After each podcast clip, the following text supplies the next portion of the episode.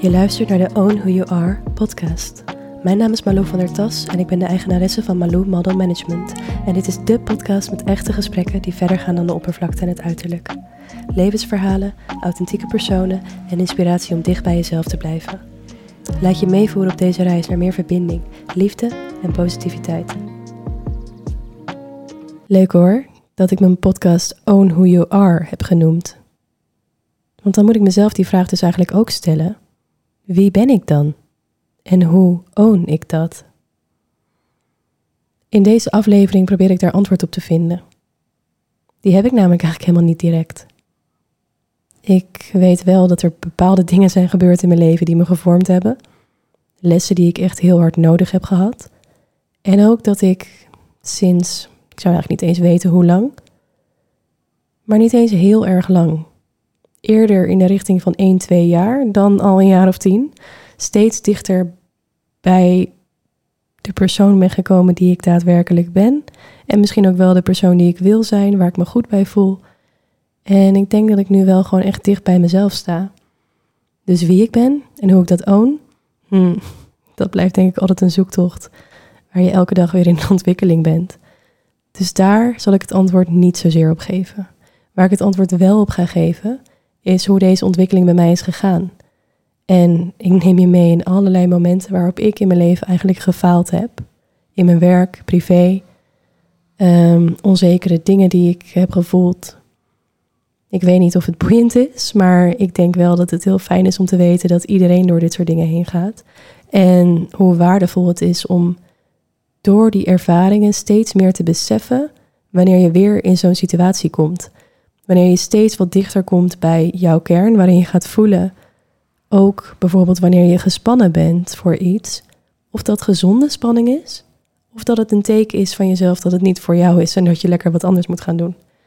Nou, allemaal dit soort dingen ga ik bespreken in deze aflevering. Ik ga er ook een aantal vergelijkingen bij halen om het zo praktisch mogelijk te maken. En daarmee hoop ik eigenlijk dat het voor jou ook wat makkelijker wordt. Dat als je dit hoort, dat je zelf gaat beseffen van hé, hey, maar dit zijn dingen die ik eigenlijk ook zelf doe.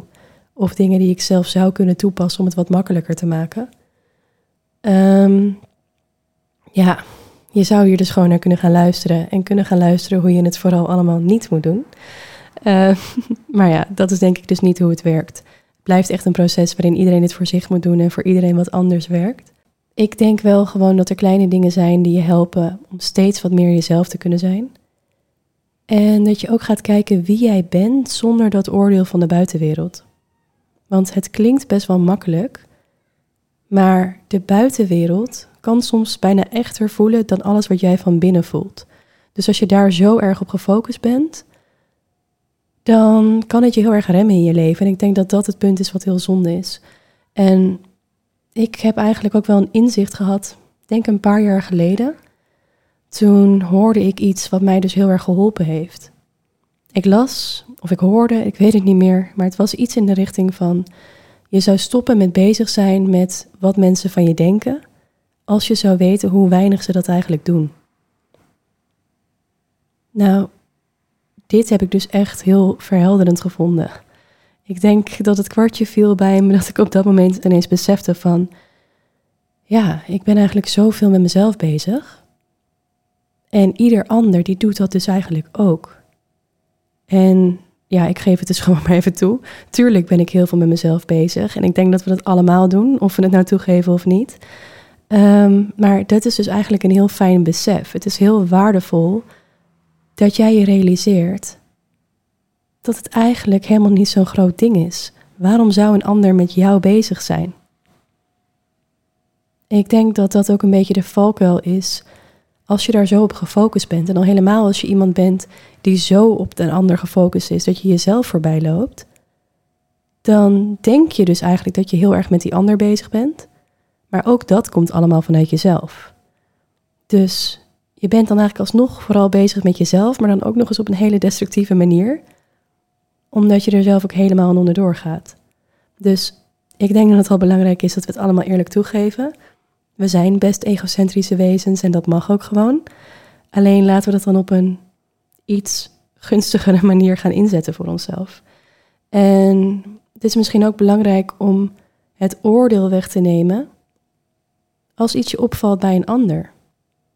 Want op het moment dat jij met zo'n oordeel naar een ander kijkt, dan is dat ook iets wat je eigenlijk naar jezelf doet. Ik denk dat het wel een spiegel is dat je het jezelf gewoon heel moeilijk kan maken, terwijl dat helemaal niet nodig is. Maar goed, even terug te komen op dat punt wat ik zei van hoe weinig mensen eigenlijk met jou bezig zijn, omdat ze vooral bezig zijn met zichzelf. Het belangrijkste om te beseffen is gewoon dat als er bijvoorbeeld iets beschamends gebeurt in jouw leven, dan heb jij het idee dat de hele wereld zich daarvan bewust is, dat iedereen naar je kijkt, dat iedereen dat nooit meer zal vergeten. Maar het belangrijkste is, het is jouw leven, dus voor jou voelt dat zo intens. Voor een ander is het gewoon een gebeurtenis op de dag en is het helemaal niet zo'n groot ding. Dus dit echt beseffen en daar dan ook nog naar gaan leven is voor mij wel echt een bevrijding geweest. En ik denk dus ook dat dat iets is wat pas veel later. Kijk, dit zijn van die dingen, je hebt zoveel quotes ook. Je wordt ermee doodgegooid natuurlijk. En er zijn heel veel dingen waarvan je denkt, ja, oké, ik, uh, ik voel dit wel of ik ben het er wel mee eens. Maar de overtreffende trap is dat je het ook daadwerkelijk gaat toepassen in je leven. Dus dat je ook begrijpt, wat betekent het nou eigenlijk? Dat heb ik dus ook met vallen en opstaan wel moeten leren. Ik heb daar een voorbeeld van, van de tijd dat ik als HR-manager werkte. Um, was toen volgens mij pas iets van 22. En vanuit mijn stage rolde ik uiteindelijk er steeds verder in. En kreeg ik die positie waarin ik dus ook het bedrijf verder op kon bouwen qua medewerkers. En we steeds meer een visie en een missie en een strategie. En alles wat erbij kwam kijken, dat gingen we opbouwen met z'n allen. Een geweldige uitdaging. En ik denk ook dat ik er al wel geschikt voor was, ondanks mijn leeftijd. Ik wist namelijk wel wat ik te bieden had. Ik wist dat ik verschil kon maken voor het bedrijf. Maar ik had wel een veel te korte loopbaan gehad. Want ik was natuurlijk ook pas 22. En nu zeg ik niet dat leeftijd altijd wat zegt. Maar het zegt wel wat in die zin dat een bepaalde levenservaring maakt gewoon dat je al vaker iets hebt kunnen zien en een soort doorvallen en opstaan hebt kunnen leren. Of het al meer in je buitenwereld, dus bij de mensen om je heen of je collega's, dingen hebt zien gebeuren. En dat maakt het gewoon makkelijker om voor jezelf ook iets meer te kunnen relativeren. Dus ik denk dat ik op dat punt in mijn leven nog zo erg in mijn perfectionisme zat, maar ook nog zo erg in die fase dat ik me heel erg wilde bewijzen. Naar mezelf, maar ook naar de mensen om me heen. En ik kijk daarom, ik kan wel heel erg terugkijken naar die periode als een periode waarin ik dicht bij mezelf stond. Want ik deed echt wat ik leuk vond. Ik had echt de connectie met de mensen om me heen vanaf een hele fijne plek. En ik ja, ik maakte dingen mee waarvan ik dacht, dit is, dit is iets wat supergoed bij me past en waar ik in door wil. Maar er was ook een, een, een stuk in mij die ineens een hele sterke identiteit moest aannemen. Ik moest een soort voorbeeldfunctie in gaan vullen, terwijl ik zelf ook nog zoekende was naar mijn eigen identiteit. En ik denk dat dit een voorbeeld is van een situatie die we zelf heel vaak, of die iedereen wel eens meemaakt dat je al wel in een rol gezet wordt of dat je jezelf al in die rol zet. En dat kan op heel veel verschillende gebieden zijn. Maar dat die rol eigenlijk nog niet echt past. Het is een rol waar je nog in moet groeien. En ik denk dat het heel gezond is dat die fase dus ook best wel eng en onwennig is. Het gevaar is hier dus ook dat je door dat gevoel, je kan namelijk dan echt zo'n naar onderbuikgevoel krijgen van spanning en ja, een soort van geblokkeerd raken door die angst daarvan. Waardoor je denkt, oh, dit moet ik eigenlijk helemaal niet doen. Mijn lichaam zegt het zelfs. Of mijn intuïtie vertelt me dat het niet goed voor me is. Anders zou ik me nu wel ontspannen voelen. Maar het verschil is, denk ik, dat het ook niet altijd betekent dat je het niet moet doen. Of dat je nog niet goed genoeg bent. Dat kan, kan namelijk ook weer zoiets zijn waarmee je jezelf helemaal gek maakt. Dus ik denk dat dat even een belangrijk punt is om mee te beginnen dat gevoel, die spanning die je kan hebben, kan dus hele gezonde spanning zijn. En dat mag er ook gewoon zijn. Dus dat kan ook heel vaak betekenen dat je gewoon op het juiste pad bent en door moet gaan. Maar goed, ik had dus nog wel veel te leren toen ik ineens al op mijn 22e HR-manager werd. En ik dacht op dat punt dat ik daar pas tien jaar later een keer zou komen. Het enige probleem was, ik was ineens al op dat punt. Maar al die onzekere stemmetjes in mij, die waren ook ineens manager geworden. Ik wist ergens dat ik niet moest gaan overcompenseren. En ik wist dat die onzekerheid die er dus wel ergens zat, dat ik die moest verbloemen. Want daar was geen ruimte voor. Voor mijn gevoel vooral. Hè? Want ik denk dat in de praktijk, ook in het werkveld waar je zit, waar dat dan ook is, best wel oké is om een bepaalde vorm van kwetsbaarheid te tonen. En je hoeft niet perfect te zijn. Ik denk dat dit alleen maar ruimte geeft aan de mensen om je heen om dat ook niet te hoeven doen. Waardoor je uiteindelijk veel meer groeit en beter wordt. Alleen ik voelde die ruimte voor mezelf niet. Ehm, ik vond het best wel lastig dat ik ineens zware, soort zakelijke beslissingen moest nemen. Mocht besluiten wie er aangenomen werd, mensen moest ontslaan, mensen teleur moest stellen. En ik voelde me alsof ik persoonlijk mensen kwetste. En ik voelde me ook echt persoonlijk geraakt op het moment dat iets niet goed ging. Dus ik kon het niet gewoon als werk zien. Het was echt iets wat nog zo dicht bij me staat en wat me echt kon overnemen. Ehm, wel denk ik dat ik heel erg mezelf ben gebleven. En dat dus ook de grootste tweestrijd kon opleveren op een gegeven moment. Dat ik ehm, vanaf de kant van het bedrijf voelde dat dingen op een minder persoonlijke manier moesten gaan. Dat je bepaalde stappen gaat zetten omdat het bedrijf natuurlijk groeit. Meer medewerkers, minder persoonlijke aandacht. Ehm, mijn tijd werd kostbaarder. Als in het kostte meer geld omdat ik ook duurder werd. En ja, dat, dat waren wel allemaal dingen die ik in die positie nog heel erg moeilijk vond. En het verschil is, ik weet wel dat ik op dat punt dus nog dicht bij mezelf stond, omdat ik het nog heel erg voelde. Het raakte me nog heel erg. Maar er kwamen dus ook tijden waarin ik me dus niet meer gewaardeerd en niet gezien voelde. In diezelfde functie. Het enige wat veranderd was, was ehm, nou, de mensen met wie ik werkte, bepaalde leidinggevende die boven me kwam, maar ook het stuk in mezelf. Want het ligt dus vooral vaak bij jezelf of jij wel dicht bij jezelf blijft, of je wel bent wie je bent. Je kunt de schuld namelijk heel makkelijk gaan geven aan de omstandigheden of aan mensen die jou de ruimte niet geven om jezelf te zijn, maar je hebt daar alsnog altijd wel een keuze in. En ik zag mezelf altijd als iemand die een streepje achter had, omdat ik dat jonge blonde meisje was. In een wereld waarin meer mannen werkten, maar ook meer oudere mensen die in hogere functies zaten, in ieder geval ouder dan ik. Dus ik zette mezelf al neer als kleiner en minder relevant dan de rest. En daardoor denk ik dat ik ook kleiner gehouden werd, omdat ik dat eigenlijk zelf veroorzaakte. En ik ging dus wel overcompenseren, omdat ik mezelf niet genoeg zag, wilde ik nog liever gezien worden. En dan trek je het dus eigenlijk juist aan dat mensen anders met je omgaan. Want ik ging harder werken, ik maakte werkweken van minstens 50 uur. En ik voelde dat ik me soms zelfs een beetje verbitterd kon voelen tegenover mensen. Puur om het feit dat ik me niet gewaardeerd voelde terwijl ik zoveel gaf. Ik gaf te veel van mezelf. En dat is natuurlijk in principe al ongezond. Dus ik zat eigenlijk in een functie die ik leuk vond. Ik weet dat ik er goed in was. Ik weet dat ik waarde toevoegde voor het bedrijf en mensen om me heen.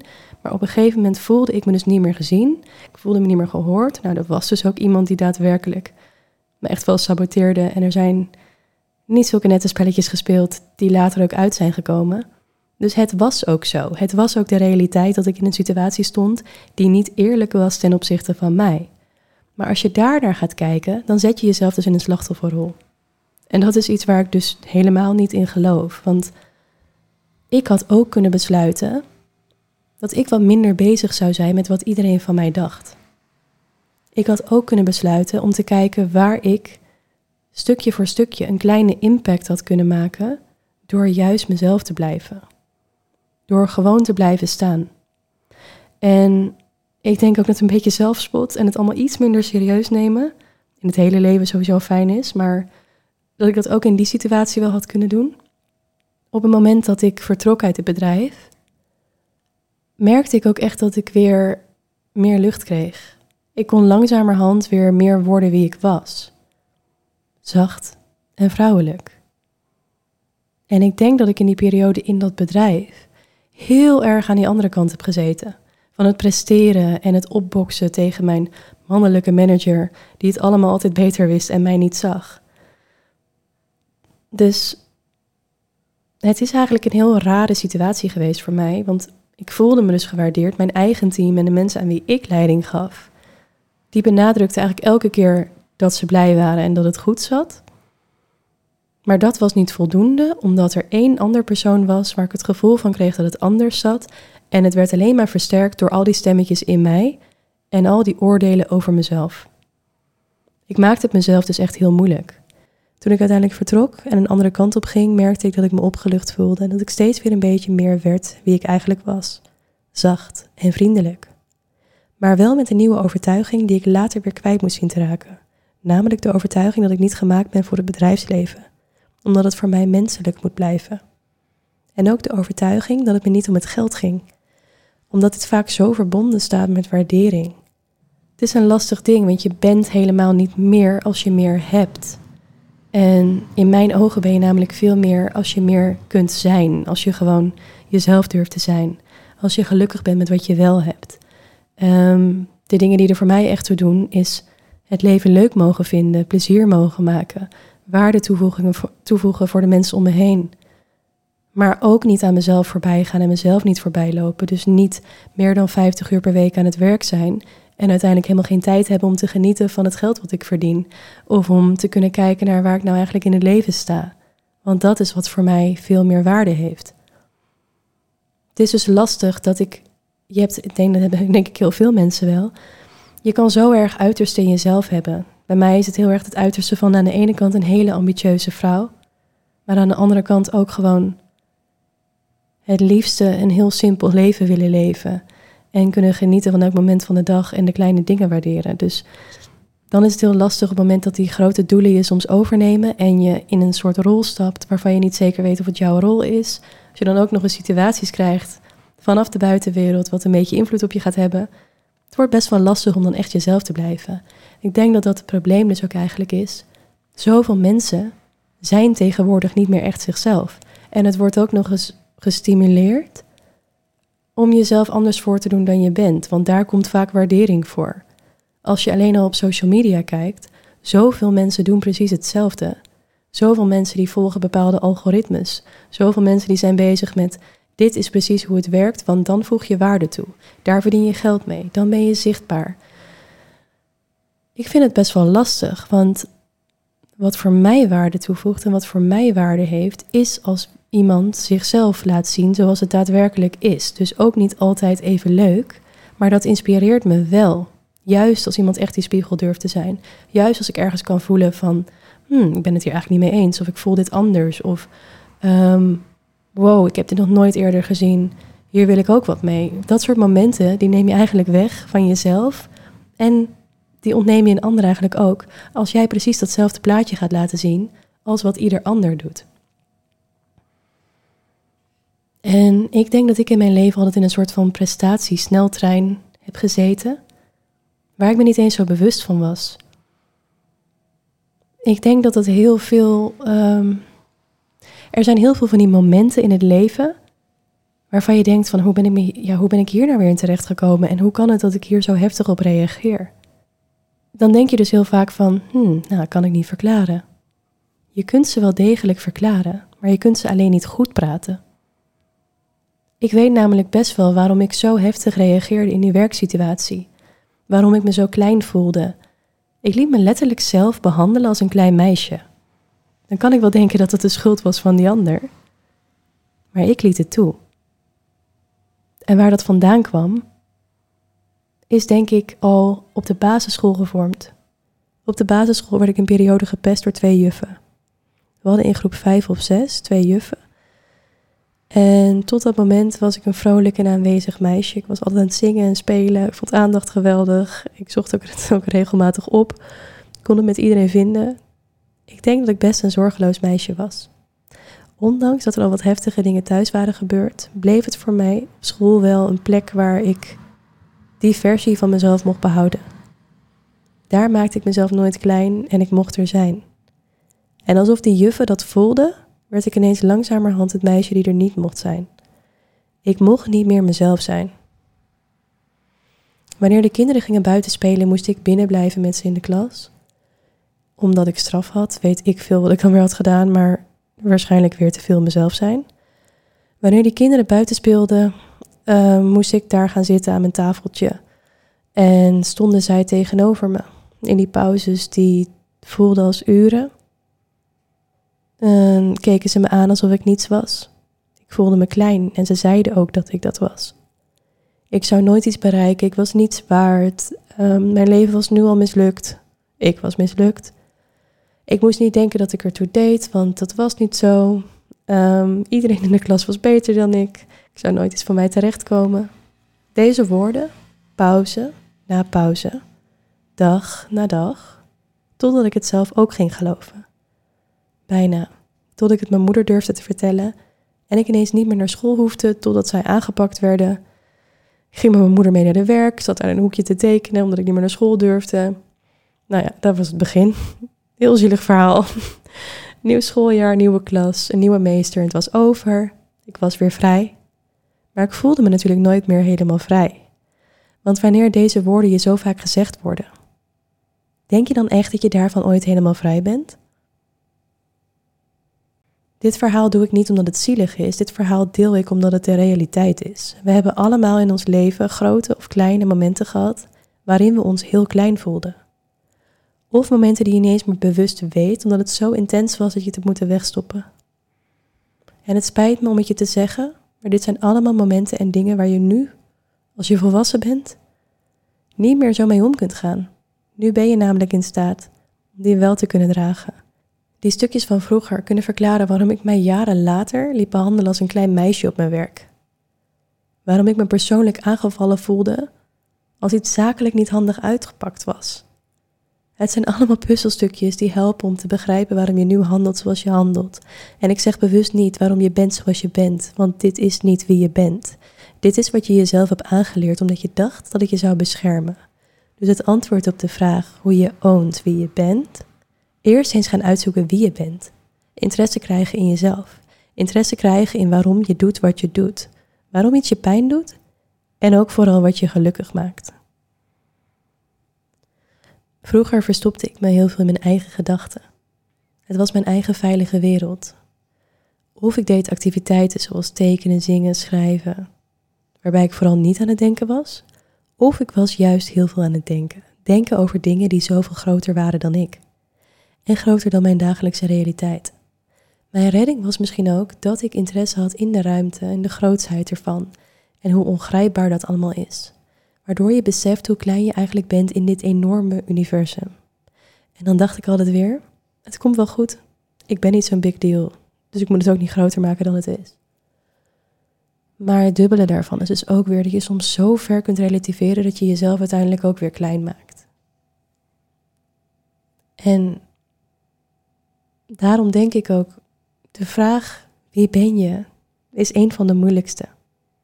Bij modellen stel ik ook de vraag: wat maakt jou authentiek? Omdat ik wil ontdekken wie ze zijn en ze uiteindelijk precies met hun eigen speciale dingen wil laten stralen. Misschien wel precies op dat voetstuk wil zetten waar mijn juffen mij vroeger zo hard vanaf hebben willen gooien. En toch is het antwoord daarop zo moeilijk. En je zou denken dat het steeds makkelijker wordt hoe ouder je wordt, toch? Hoe meer ervaren je wordt. Maar vergis je niet, want er zijn zoveel rollen en er komen alleen maar nieuwe rollen en verantwoordelijkheden bij. Ik sta in rollen die nog altijd niet comfortabel voor me zijn, waar ik echt nog volop in moet groeien. Het is misschien ook niet zo gek, ik ben 27 en heb nog zo'n lange weg te gaan. Maar de rollen waar ik comfortabel in was, die vervallen weer en er komt weer een nieuwe voor in de plaats. De rol van mama, die voelt als de natuurlijkste ooit. Maar het blijft gek om te beseffen dat ik zelf al twee kinderen heb terwijl ik me ook nog een kind voel. En de rol van ondernemer is toch ook weer heel anders dan de rol van werknemer. Ik heb altijd een ding gehad met die rollen. De rol van model paste me ook nooit echt. De rol van mama past wel, maar dan weer niet alleen maar dat. Ik heb meer prikkels nodig dan alleen mama zijn om dan juist weer de beste mama te zijn. Ehm, en de rol van vriendin van. Ik denk dat dit sowieso iets is wat vrouwen best wel vervelend kunnen vinden. Als man word je niet zo snel aangeduid als, oh, dat is vriend van. Als vrouw is het al snel dat je dan vrouw van, vriendin van, um, op die manier naar je gekeken wordt. Maar dit is misschien ook weer mijn eigen invulling. Um, het irriteerde me altijd een beetje, want ik ben toch gewoon mezelf. En ook op het moment toen die rol vriendin van ineens weer verviel, paste mijn nieuwe rol als single me weer voor geen meter. In die single rol zit ik ook alweer bijna twee jaar. Maar het is nog steeds een rol die me niet goed past. En op sommige dagen past die rol me weer te goed en is het lekker comfortabel. in de rol als single zit geen groei meer. Ik hou van alleen zijn en mijn eigen ding doen. Ik ben blij alleen. Alleen, een relatie is veel leuker. Dan moet ik die wel aandurven gaan. En dan weer opnieuw openstellen. Om weer in een nieuwe rol te stappen. Het is toch ook eng om jezelf opnieuw kwijt te raken. Als je eindelijk denkt te weten wie je bent. Mijn antwoord moet ik je dus eigenlijk ook verschuldigd blijven. Ik leer mezelf elke dag kennen. En hoe bewust ik ook leef, ik weet dat ik extreme uitersten heb. De mooiste kleding, goede restaurants en hotels. Maar stiekem maakt mijn hart pas echt een sprongetje wanneer ik met mijn blote voet op het strand sta. Wanneer er een kampvuur is, wanneer we muziek maken en buiten leven en genieten van de kleine dingen. Het voelde trouwens ook altijd als een rol hoe je in het bedrijfsleven hoort te gedragen. Het voelt nu echt als een bevrijding dat ik professioneel ben, zolang ik me aan bepaalde omgangsregels hou en verder gewoon mezelf ben. Met de juiste intenties met mijn klanten en modellen werk en daar hoeft helemaal geen filter overheen van hoe ik over moet komen of hoe ze over mij zullen denken. Ik voel me daarin echt oprecht vrij. Ik denk dat dat wel echt een van de grootste voordelen is van mijn eigen bedrijf hebben, waar ik een eigen visie door kan voeren en op mijn manier de mensen om me heen kan behandelen. En er nog waardering voor terugkrijgen ook. Ehm, en dan ook de rol als moeder. Ik voel me nu vrij in mijn rol als moeder. Maar ik had altijd de overtuiging dat je als moeder bepaalde dingen niet meer kunt doen omdat je een nieuwe identiteit hebt. Dingen die niet meer kunnen, want wat zullen mensen en dan vooral andere moeders dan wel niet van je denken? Nee hoor, ik was gewoon meer dan een jaar bezig, denk ik, om erachter te komen dat ik nog precies ben wie ik ben. Maar dan met weer een extra rol erbij. Ik ben gewoon helemaal malou. De ene dag oprecht genietend van de rol als huisvrouw en het huis voor elkaar maken, wasjes doen, eten koken, spelen met de kinderen. Een groter deel van de tijd bestel ik eten en ben ik meer tijd aan het besteden aan leven en plezier maken dan aan alles perfect doen. De ene dag op hoge hakken, van afspraak naar afspraak en grote zakelijke beslissingen nemen. De andere dag op blote voeten dansen door de woestijn of door de zee en zandkastelen bouwen. De ene dag op en top vrouwelijk, sensueel, geliefd en gezien willen worden. Ehm, de andere dag thuis blijven en met niemand willen praten. Want willen we niet allemaal gewoon al die rollen zijn zonder onszelf erover te veroordelen? Zonder bang te zijn wat je vrienden, familie, moeder, schoonmoeder, baas, Instagram-volgers of de kat van de buren van je denkt? We maken het onszelf, denk ik, echt gewoon heel moeilijk en uh, dat doen we helemaal zelf. Heel veel meer kan ik daar niet van maken. De meest vervelende mensen zijn voor mij dus ook echt de mensen om me heen. Nou ja, ik heb ze gelukkig eigenlijk niet meer echt om me heen. Um, maar de mensen met enorme oordelen over zichzelf en over de rest van de wereld. Want die hebben dat dan waarschijnlijk ook over mij. En ik heb besloten dat ik daar dus helemaal geen zin in heb. Het zit hem namelijk helemaal niet in kiezen wie of wat je bent. Het zit hem gewoon in kunnen accepteren dat je het allemaal bent. En zorgen dat je, wanneer je kunt, jezelf in een omgeving zet waarin je geaccepteerd wordt. Dus die versie van jou waarin je het allemaal bent. Ik ben de moeder met een kort lontje als ik te weinig tijd voor mezelf heb. Ik kan dramatisch zijn en stressen en ik moet vooral zorgen dat ik op tijd eet, want als ik dat niet doe, ben ik ook niet echt heel leuk. Kan ik erop letten? Ja. Probeer ik dit te voorkomen? Ja. Maar ik ben het wel. Um, ik ben die persoon die het persoonlijk neemt wanneer iemand kortaf is of niet op me reageert. Ik hoor dan al meteen alarmbellen en ik maak het persoonlijk. Weet ik dat dit onzin is? Ja. Kan ik mezelf vertellen dat het vast niets met mij te maken heeft? Meestal wel. Maar ik ben het wel en ik blijf ondanks mijn zelfverzekerde kant, die alles wel regelt, ook die persoon die het fijn vindt om bevestiging te krijgen. Ik vind het fijn om mijn vrijheid te hebben en om mijn dromen te realiseren zonder hulp van iemand anders, maar ik vind het nog leuker om het samen te doen. Ik ben de vrouw die alles prima regelt en in het hokje zou passen van iemand die zegt geen man nodig te hebben, omdat het allemaal perfect voor elkaar is. Maar ik ben juist de vrouw die zegt dat ze hem wel nodig heeft, omdat ik me gedragen wil voelen, me gezien en geliefd wil voelen. Ik voel dat ik meer vrouw kan zijn wanneer ik niet ook man moet zijn. En dit bedoel ik dan natuurlijk als mannelijke en vrouwelijke energie, maar dat nam je hopelijk al niet echt te letterlijk. Um, het is denk ik heel gezond zelfs om te zien dat je verschillende rollen hebt en die in te zetten wanneer het passend is.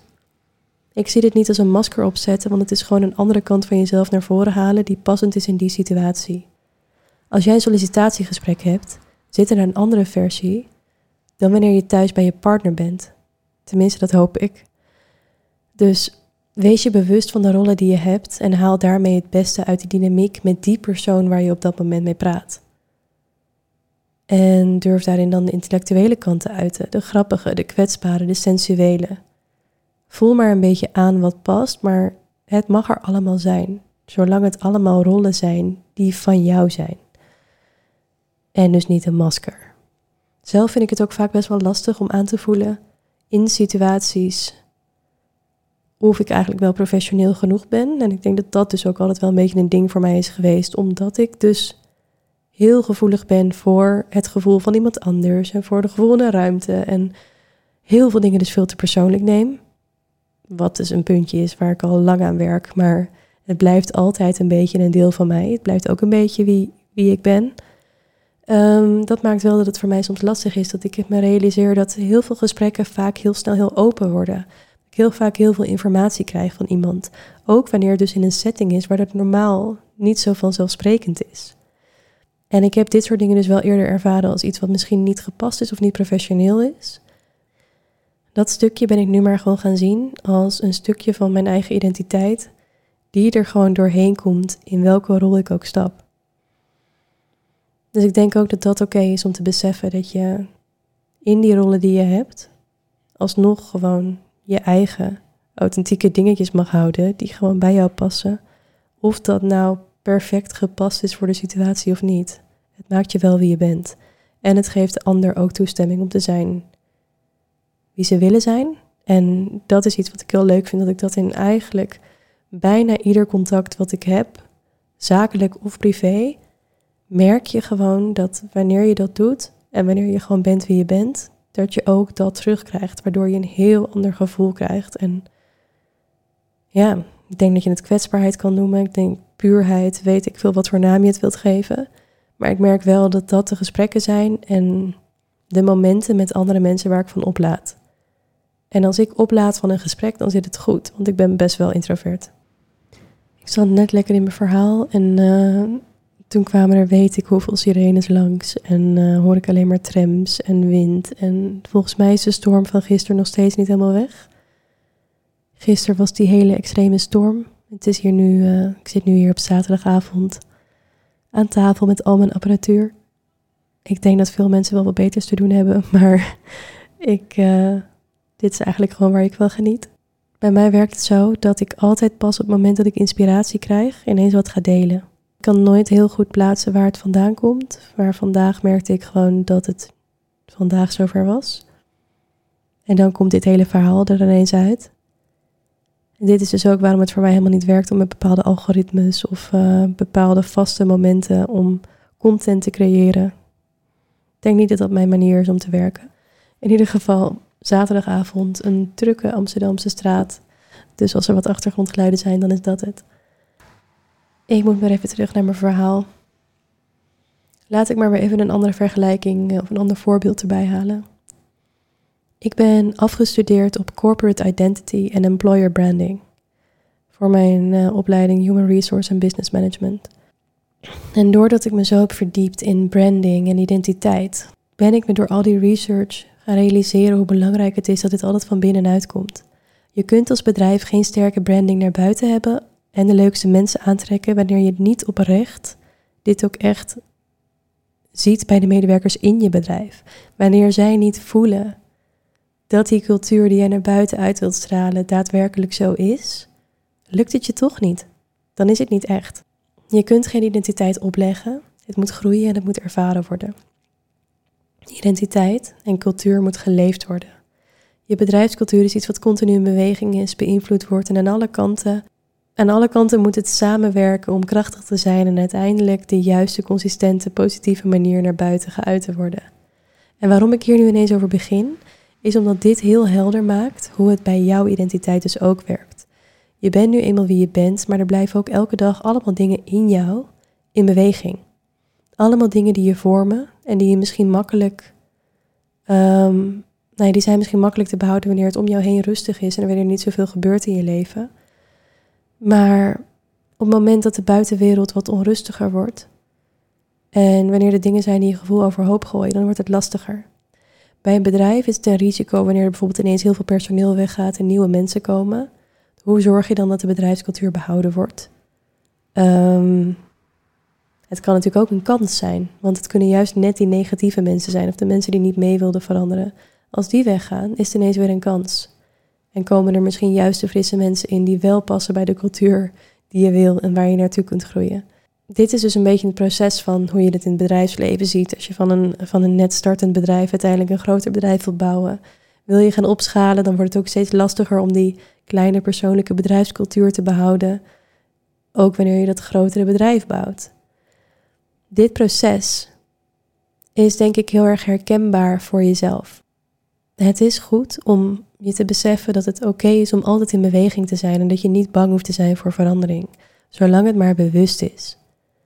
Zolang je beseft dat je altijd in verandering bent en dat je de hele dag door nieuwe overtuigingen en informatie krijgt die jou vormt, kun je ook makkelijker zien welke overtuigingen je vasthoudt die je al lang los mag laten. En in dit geval kun je dan dus ook opschalen voor jezelf naar een volgende fase in je leven. En hoe gevaarlijk dat opschalen voor de cultuur van een bedrijf kan zijn, um, is het ook vaak heel erg nodig om wel die nieuwe grote doelen te kunnen behalen. En efficiënt te blijven, om te blijven groeien. Het moet alleen heel zorgvuldig gemanaged worden. En net zo voorzichtig moet je dit dus bij jezelf eigenlijk ook managen. Het is helemaal niet verkeerd om je bewust te blijven van je identiteit en om te checken of je daar dus eigenlijk nog wel dichtbij staat. Ben je nog wie je bent? Ik leefde denk ik um, nou ja, een paar jaar lang een leven waarin ik me soms op visite voelde in mijn eigen leven. Ik heb er lang over nagedacht waar dat gevoel vandaan kwam. Maar het was denk ik vooral omdat veel van de bezittingen, zoals de huizen die we samen hadden in mijn vorige relatie, niet van mij waren. Ze waren niet door mij gekocht, niet door mij behaald. De doelen die we hadden of de plek waar we stonden. Uh, het was meer dat ik was ingestapt in het leven van iemand die daar al een hele weg voor had afgelegd om daar te komen. Het was leven op een hele andere standaard, terwijl ik het zelf eigenlijk altijd al heel goed heb gehad. Um, maar toch voelde het als iets wat niet helemaal van mij was. En los van het stukje dat liefde blind maakt en dat er dan helemaal niet toe doet. Het is ook goed om soms in een setting te komen waarin je uit je comfortzone gaat. Waarin je jezelf op een andere manier kunt leren kennen, waarin je kunt groeien. Maar het is ook risicovol. Het maakte dat ik heel bewust moest blijven van mijn eigen identiteit. Want die identiteit die raak je namelijk al heel makkelijk kwijt op het moment dat je in een verliefde fase zit met iemand. Maar al helemaal als je ook nog eens allemaal stappen overslaat en niet de tijd hebt gehad om stap voor stap naar het punt te groeien waar je dan ineens staat. Het voelt namelijk echt heel anders wanneer je zelf stap voor stap je vermogen opbouwt. Steeds een luxer leven kunt leven, zoals ik dat nu zelf aan het doen ben en daarvoor ook wel deed. Maar op een ander niveau. Dat is anders dan wanneer je ineens in een leven stapt waarin dat er allemaal al is, maar je dan ineens wel met al die verantwoordelijkheden en verwachtingen op dat niveau moet gaan dealen. Het is daarom denk ik ook heel belangrijk om zeker die uitdagende situaties op te zoeken als ze er wel zijn en kansen aan te grijpen, maar wel zorgvuldig management van je eigen identiteit. Ik vond het namelijk heel lastig bijvoorbeeld om mijn goede baan op te zeggen, in het buitenland te gaan wonen, mama te worden, voor de kinderen te gaan zorgen en ineens geen eigen inkomen meer te hebben.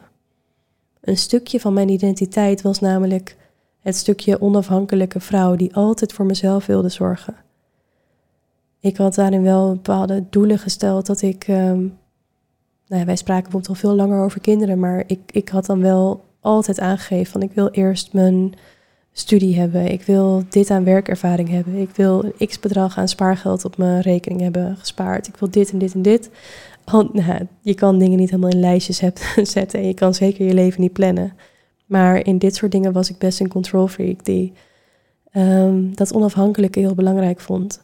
Maar ineens maakte ik dus wel de keuze om in een situatie te komen waarin ik dat niet meer was. Tuurlijk had ik al die punten behaald, dus ik had een bepaalde zekerheid voor mezelf ingebouwd. Maar ik was wel ineens mama, zonder eigen inkomen, afhankelijk van een man. En ik heb dus ook geleerd dat je er soms voor moet kiezen om die situatie, hoe comfortabel het soms misschien ook lijkt op papier, die ook weer uit te stappen wanneer je gaat voelen dat het niet meer past bij jouw identiteit. Omdat niets zwaarder weegt dan gewoon mogen zijn wie je bent.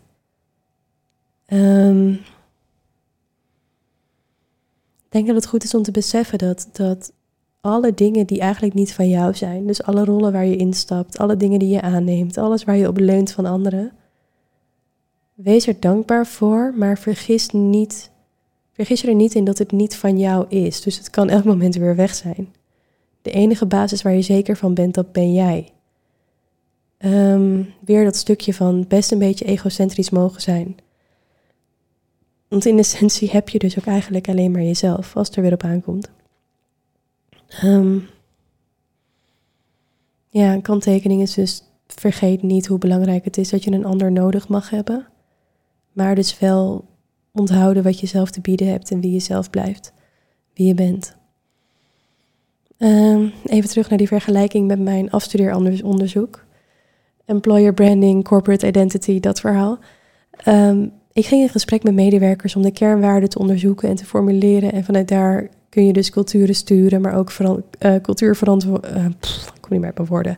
Cultuurveranderingen in een bedrijf realiseren. En wanneer dit succesvol gaat in een bedrijf, dan heb je dus alle medewerkers daarin meegekregen. En dan realiseer je de, de doelen die je gesteld hebt. En nou ja, als dit in hele grote bedrijven lukt, krijg je dus heel veel mensen mee. Hoe moeilijk kan het dan zijn als jij alleen jezelf mee hoeft te krijgen? Jij bent namelijk niet gewoon zo. Jij kan ook kijken naar die kernwaarden. Jij kan ook besluiten wie jij wil zijn, wat jou dient.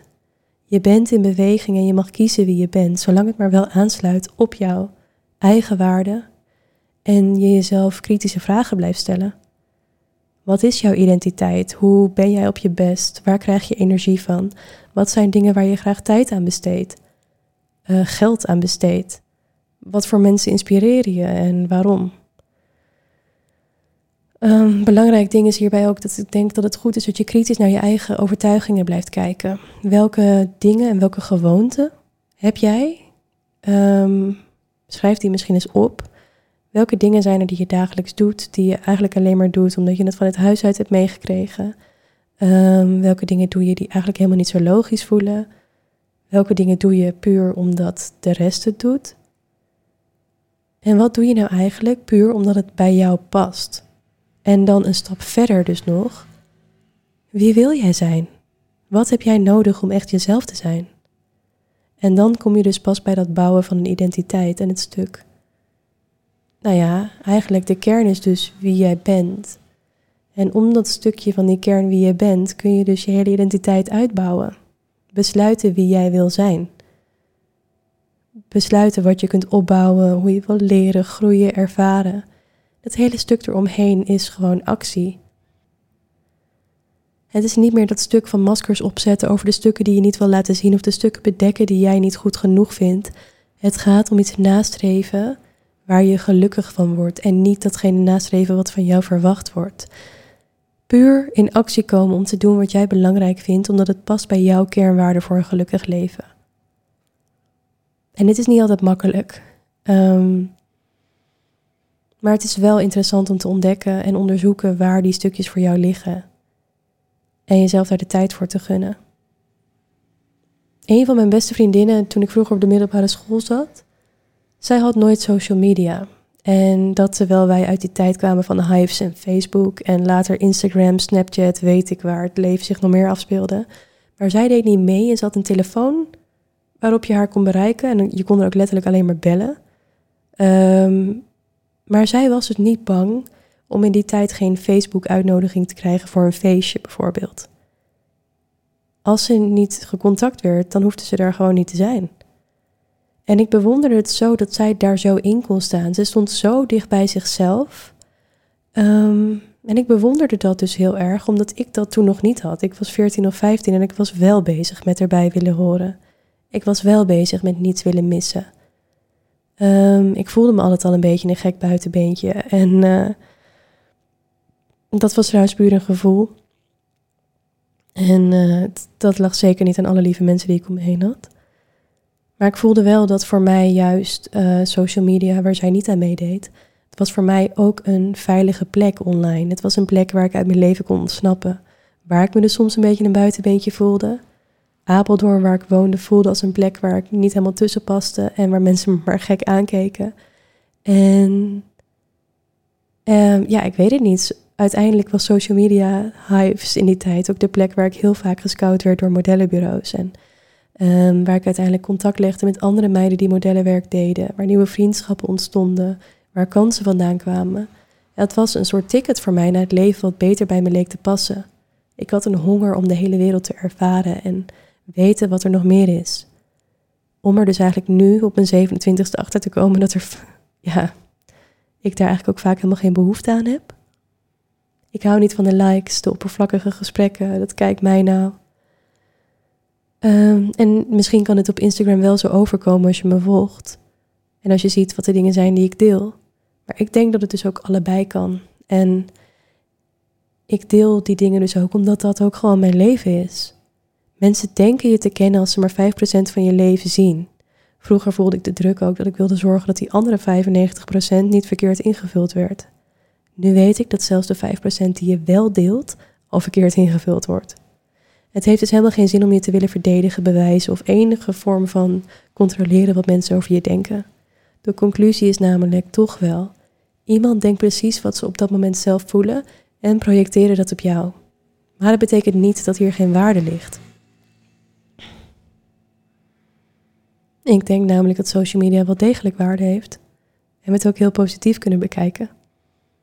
Ik zal je een voorbeeld geven en meenemen naar een verhaal van toen ik 18 of 19 was en toen kwam ik in New York terecht voor modellenwerk. Het was spannend en nieuw en ik voelde me echt een soort van verloren vogeltje die uit het nest was gevallen. ik, uh, ik voelde wel dat het de plek waar ik was waar ik moest zijn. Um, stond regelmatig dan voor het enorme gebouw waar ik woonde buiten te wachten tot ik opgehaald werd. Uh, in zo'n auto met door de promoters. En ja, uh, de heftigste feestjes, one ook, weet ik wat voor ons.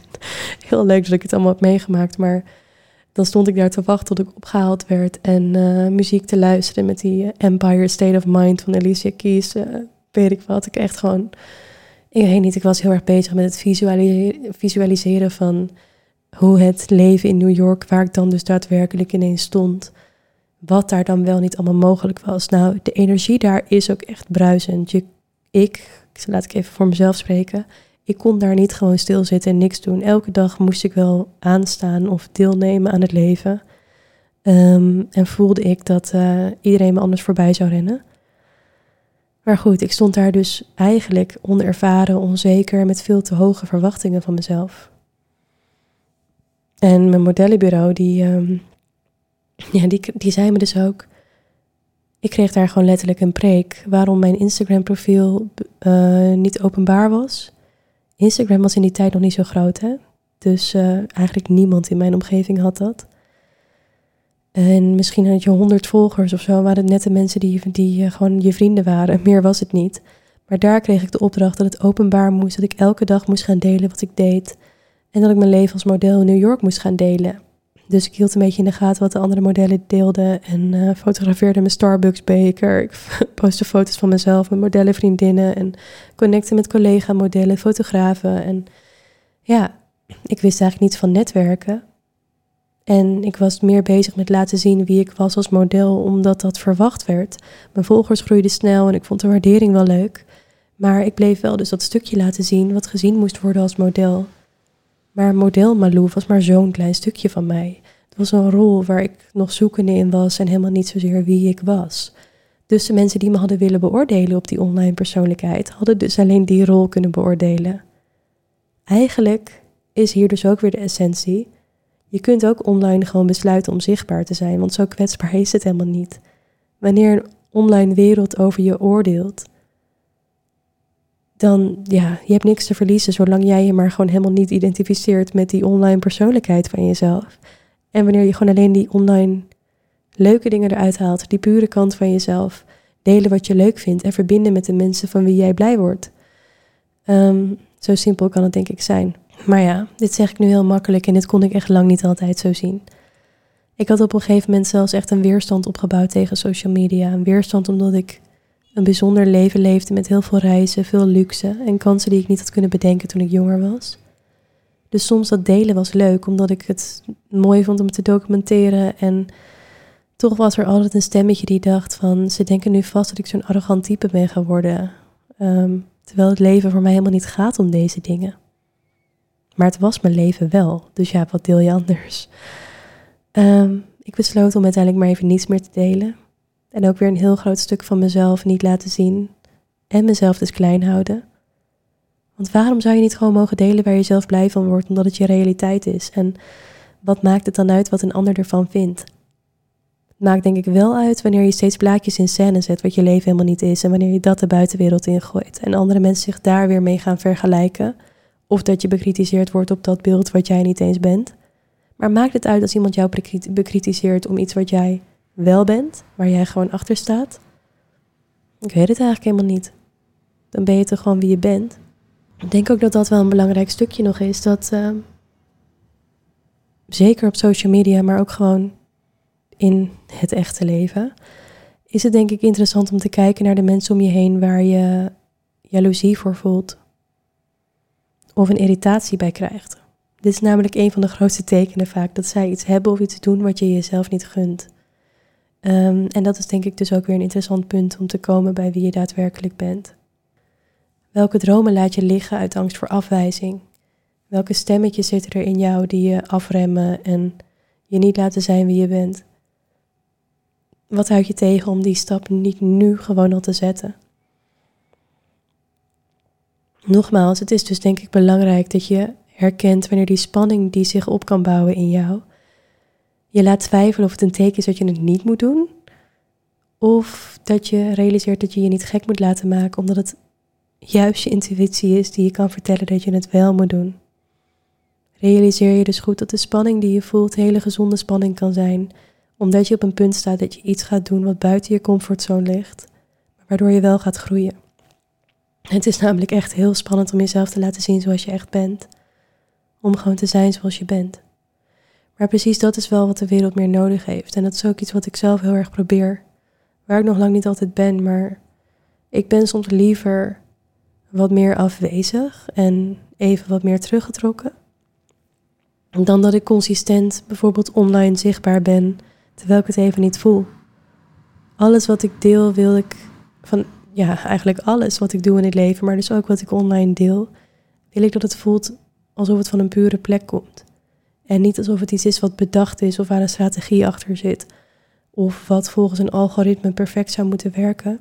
Want dat is niet wie ik ben. En um, geen idee hoe ik hier nou weer kwam. Maar um, ik denk dat het gewoon belangrijk is dat we dat allemaal wat meer proberen. Dat je gewoon meer probeert te laten zien wie je bent. Door dus uit te zoeken wie je bent. En dat dan ook maar gewoon te laten zien. En dat hoef je denk ik helemaal niet alleen te doen. Het is oké om hulp te vragen. Wat ik dus ook zelf nog heel hard aan het leren ben. Het is oké om stappen te zetten die anders zijn dan de mensen om je heen. Om de eerste te zijn in je vriendengroep of in je familie die een stap zet die anders is dan ieder ander doet. De mensen om je heen praten denk ik ook vaak uit angst en eigen projectie. Ze kunnen je onnodig klein houden, dus als jij durft te zijn wie je bent, dan geef jij de mensen om je heen toestemming om dat ook te doen. De vraag wie ben je? Hoe own je wie je bent? Tja, het lijkt zo makkelijk te beantwoorden. En zelfs zonder een heel spiritueel verhaal van te maken, denk ik dat het al best complex is. Alleen al in het dagelijks leven. En dat hele spirituele stuk komt vast ook nog wel een aflevering over. Net als over voelen, liefde, business. Het zijn allemaal onderwerpen die voor mij elke dag heel relevant zijn. En die uitdagingen en dingen die ik leer, die zal ik heel graag met je delen. Dus daarover snel meer. Voor nu wil ik je bedanken voor het luisteren. Als je er een inzicht uit hebt kunnen halen, vind ik het leuk om van je te horen. Ik vind het leuk als je hierover met me in gesprek wil gaan. Dit kan uh, via Instagram, mijn persoonlijke profiel, malou.mout, of via Own Podcast. En ja, wil jij je proces met me delen hier in deze podcast? Laat dat me ook vooral weten. Dat zou ik heel leuk vinden.